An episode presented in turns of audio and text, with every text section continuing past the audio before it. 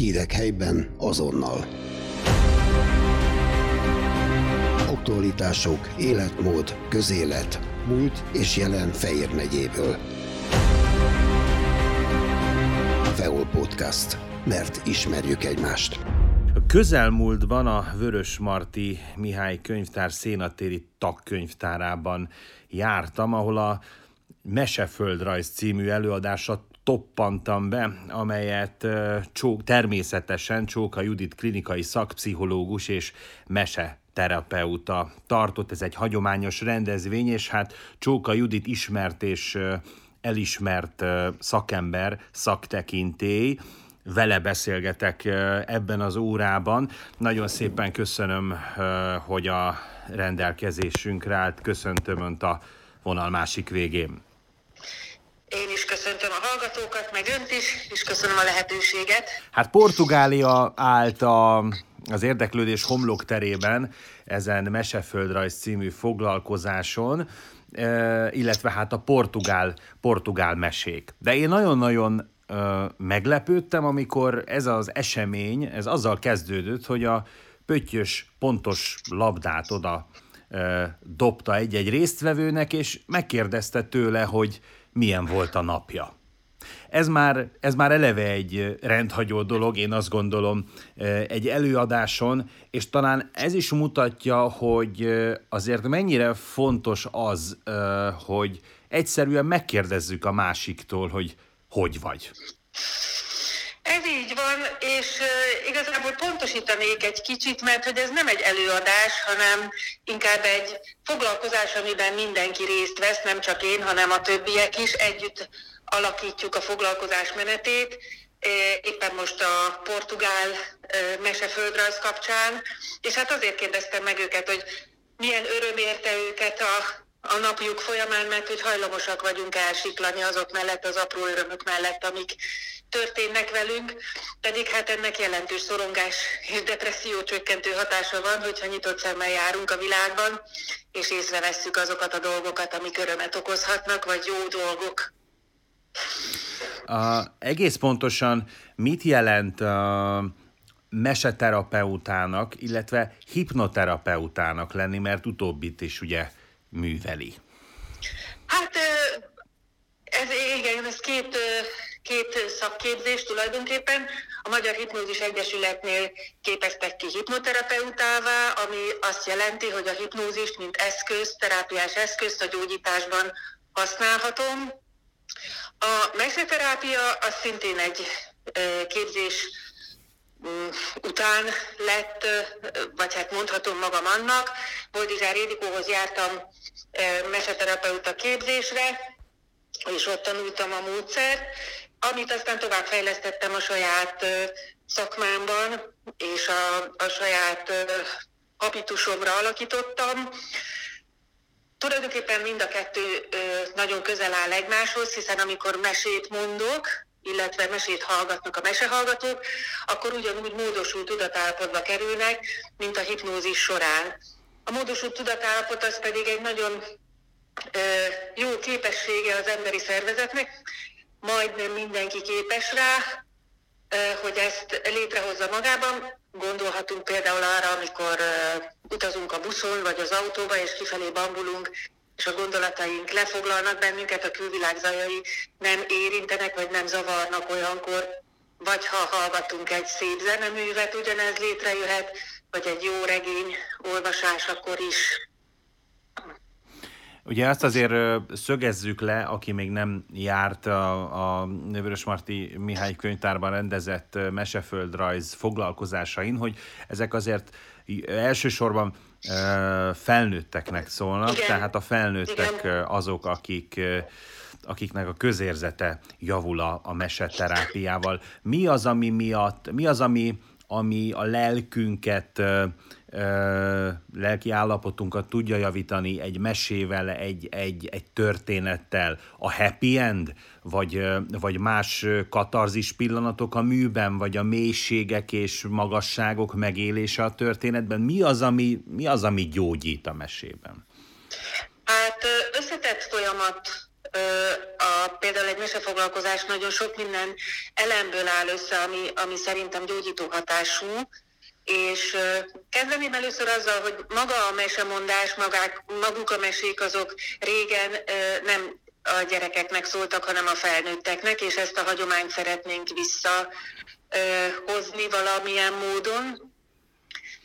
És, és a felnőttek problémáiról, illetve hát az emberek problémáiról szólnak ezek a mesék, és megoldásokat is kínálnak a különféle mesehősök, ahogyan a saját nehézségükön túljutnak, vagy a saját akadályaikat legyőzik. Ez már lehet egy, egy kapaszkodó a saját életünkben.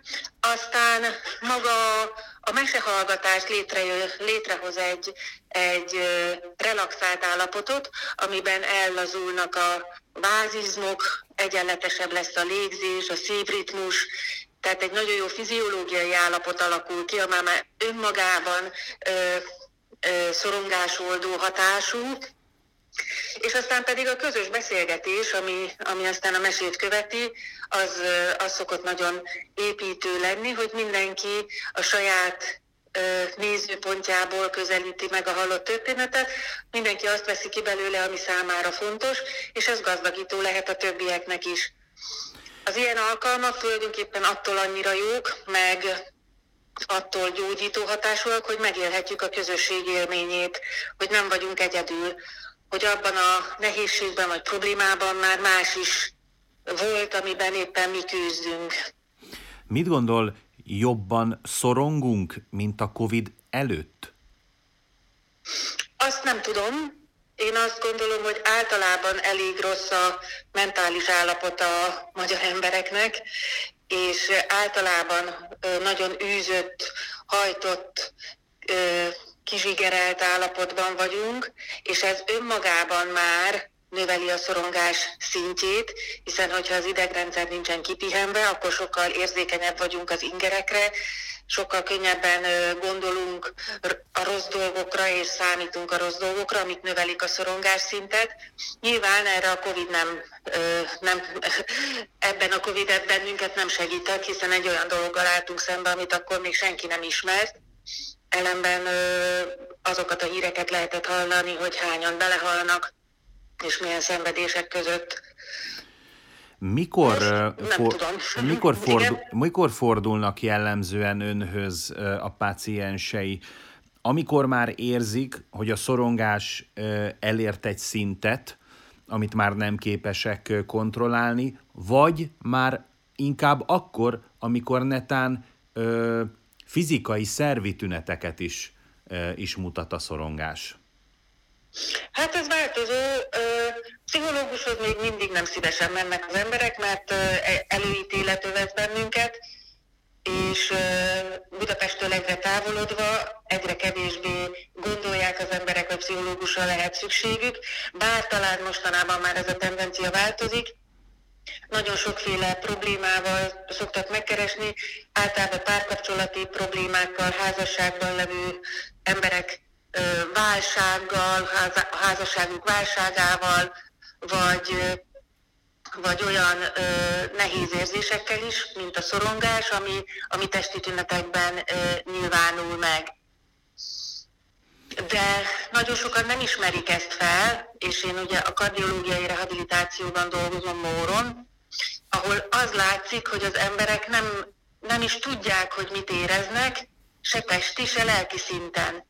És ez nagyon veszélyes, mert a testük jelzéseit, a lelkük jelzéseit nem tudják értelmezni, nem tudnak vele mit kezdeni, ami aztán súlyos betegségbe ö, torkollik, vagy súlyos betegség képében jelentkezik, hogy most már ö, ideje lenne saját magával foglalkozni az embernek. És ebben hogyan tud ön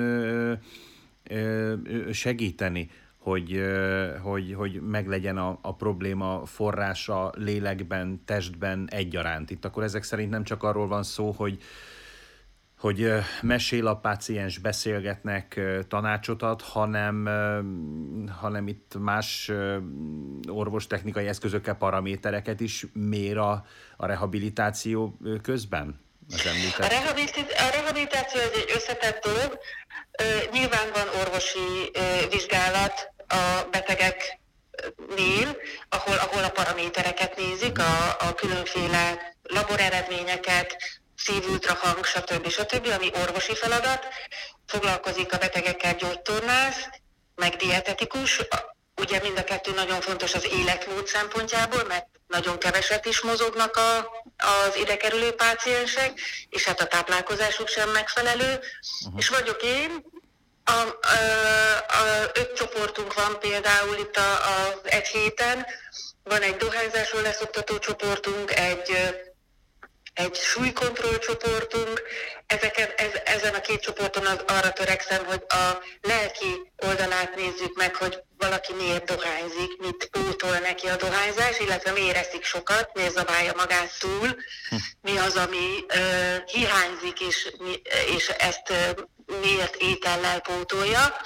És akkor van egy stresszkezelő csoportunk, egy, nyilván ott a stressznek a fizikai és a lelki tüneteit vesszük sorra, és egyben tanulunk relaxációs technikákat is, amiből szerencsére nagyon sokféle van, és azért tanulunk sokfélét, hogy mindenki kiválassza magának a legmegfelelőbbet.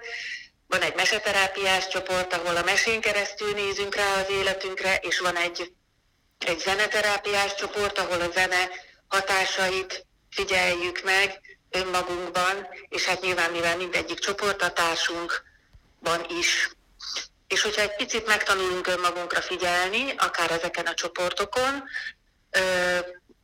például, akkor már könnyebben tudjuk érzékelni, értékelni a saját testi, illetve lelki reakcióinkat, ami elvezethet bennünket az egészséges élethez is akár.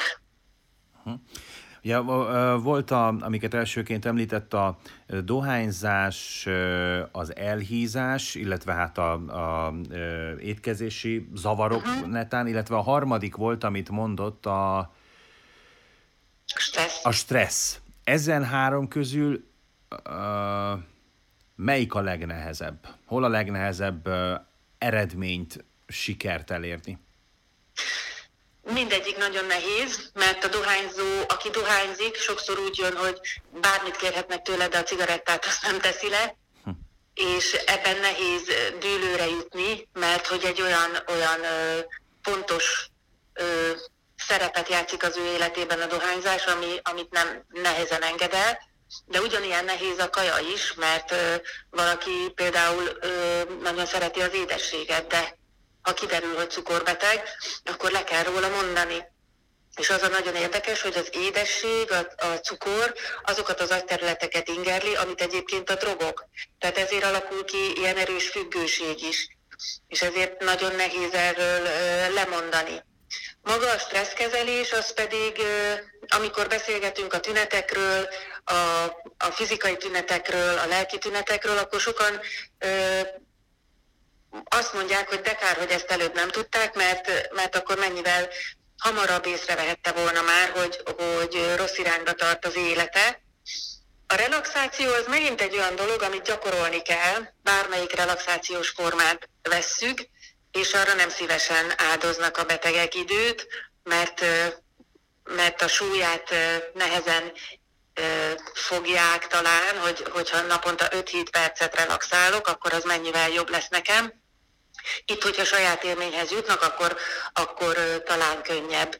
De az a baj, hogy letelik a három hét, hazamegy, egy ideig talán még tartja, aztán újra visszatér a régi ö, szokásokhoz, a régi kerékvágásba, ami, ami ismételt betegséghez vezet.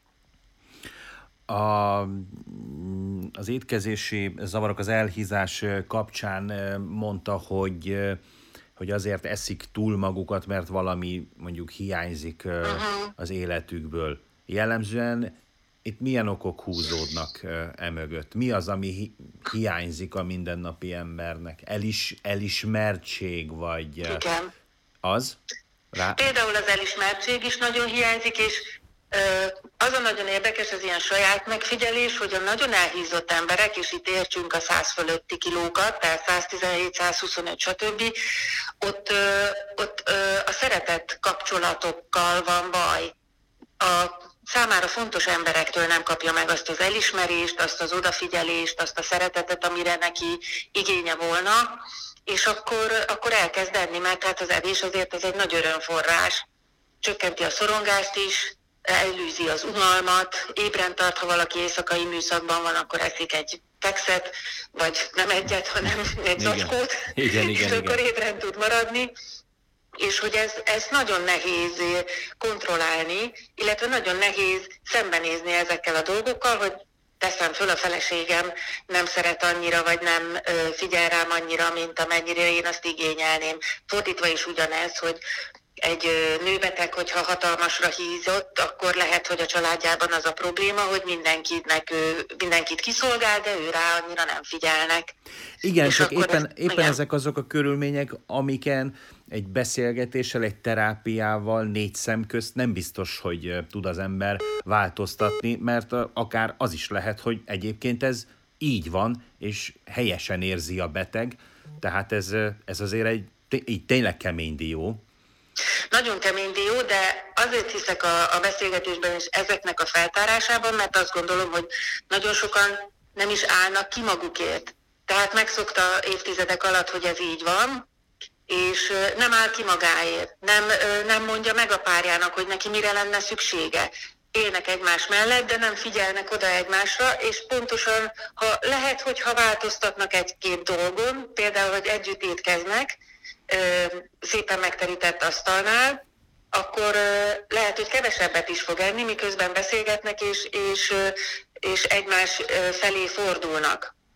Vagy változtatni kell a, például, hogyha valaki éjszakás műszakban dolgozik, akkor lehet, hogy azon változtatnia kell, más munkát kell keresnie, mert, mert ez így, így gyilkos, eleve gyilkos az éjszakázás, szív- és érrendszeri betegeknek aztán nagyon, úgyhogy, úgyhogy változtatni kell, abból, a, abból az életből, abból az életformából ki kell lépni, ami, ami a betegséget végig is létrehozta.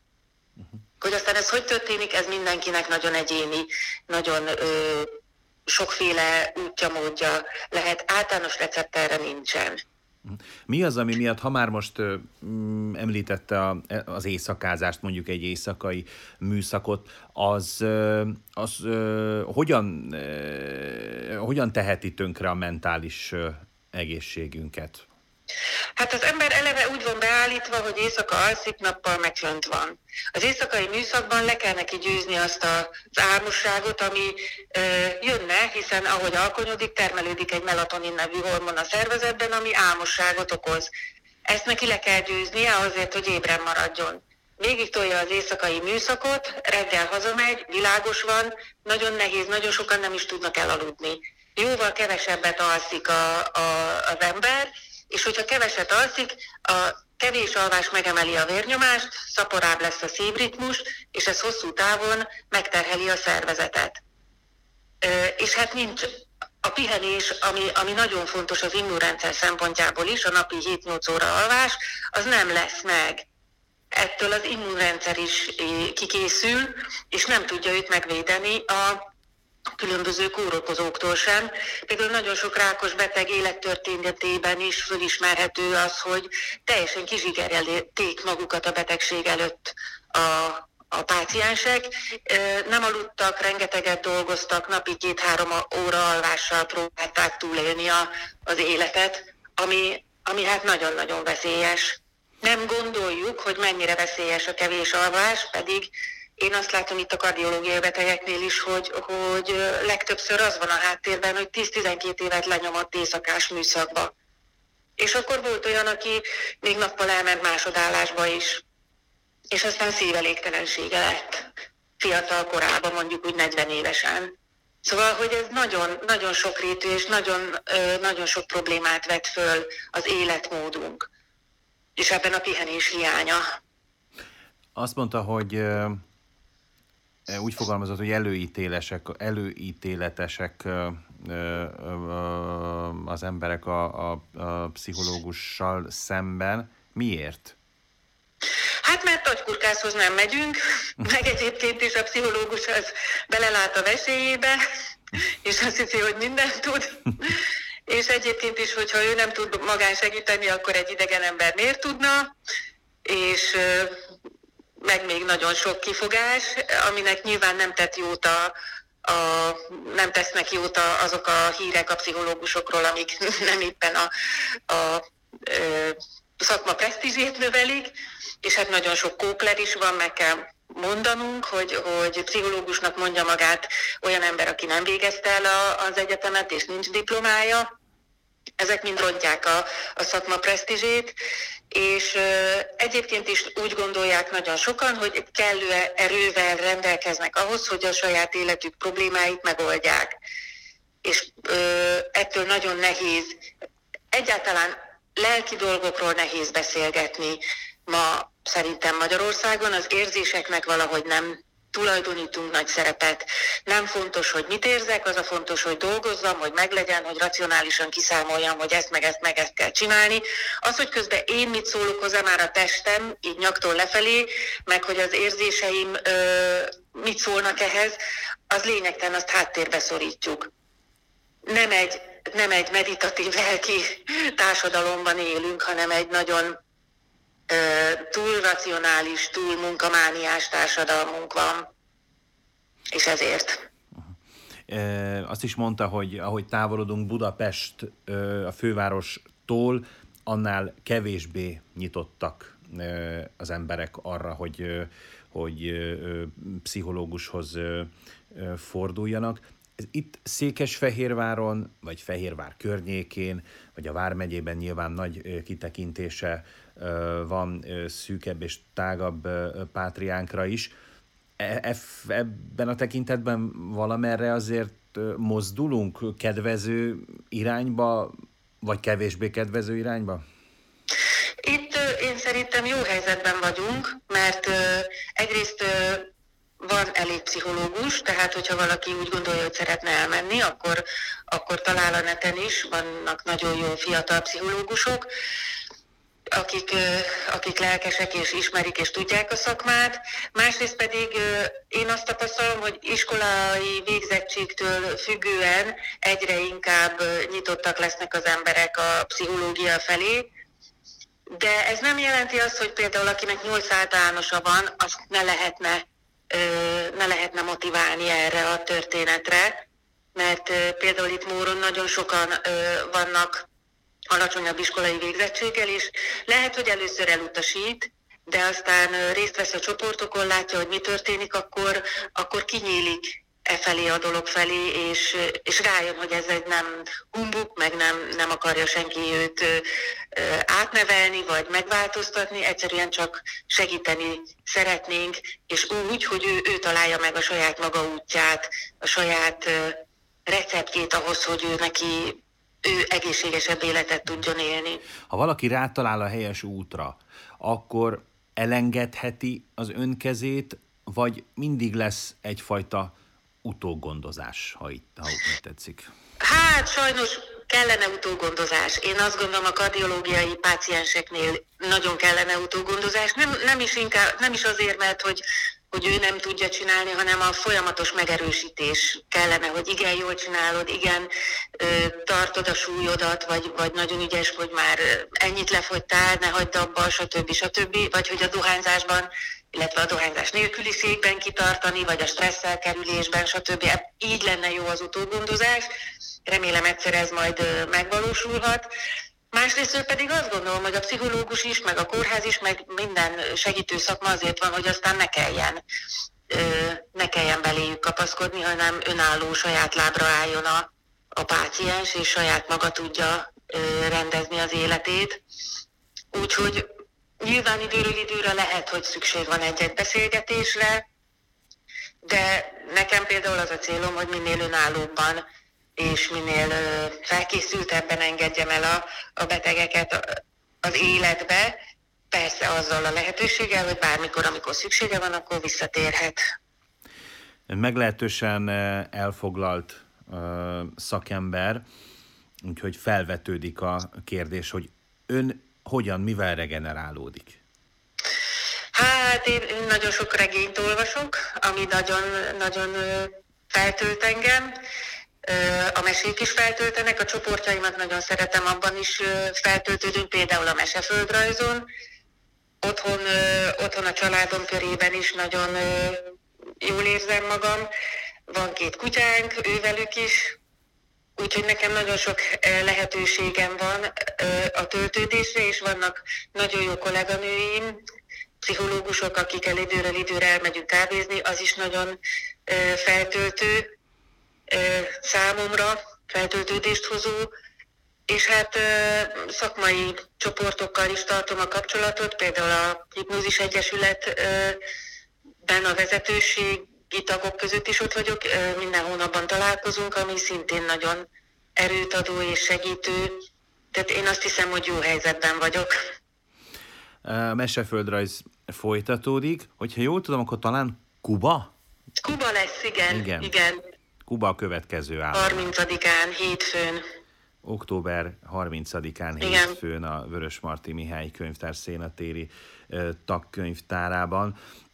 Hát tényleg még egy gondolat erejéig itt a beszélgetés végét lezárva, tényleg nagyon, nagyon elfoglalt, és itt a regenerációs lehetőségek között azért felbukkantak a kolléganők, a szakma, de amikor azt érzi, hogy, hogy az energia szintje mondjuk vészesen közelít, akkor, akkor ön képes arra, hogy, hogy azt mondja, hogy stop, állj, és akkor... Egy, igen. igen. Ebben ez, ez egy fontos pont, hogy ezt felismerjük, ugye?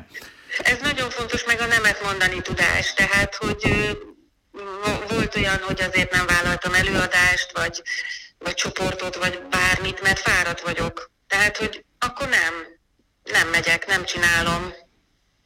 Nagyon fontosnak tartom a, a hétvégék szabadságát, hogy akkor, akkor semmit nem csinálok olyat, ami szakmai, vagy, vagy a szabadságok két hét, három hét az, az ne munkával teljen, hanem tényleg az aktív pihenés legyen, vagy úgy aktív, hogy hogy csak fekszem és olvasom, és maximum fűtök a tengerbe, vagy ilyesmi. Hát nagyon-nagyon szépen köszönjük, hogy az elfoglaltságai mellett időt szakított ránk. Nagyon szépen köszönöm, hogy a rendelkezésünkre állt, köszönöm a beszélgetést. Én is köszönöm a lehetőséget. Nagyon szépen köszönöm. Kedves hallgatók, ebben az órában Csóka Judit klinikai szakpszichológussal, mese terapeutával, hipnoterapeutával beszélgettünk, és ahogy azt hallhatták, folytatódik a Vörös Marti Mihály könyvtárban a Meseföldrajz foglalkozás sorozat Csóka Judittal, tehát 30-án, október 30-án Kubába kalauzolja el hallgatóságát, illetve hát gyógyít majd a kubai eredetű történetekkel és mesékkel. Hírek helyben azonnal. Aktualitások, életmód, közélet, múlt és jelen Fejér megyéből. Feol Podcast. Mert ismerjük egymást.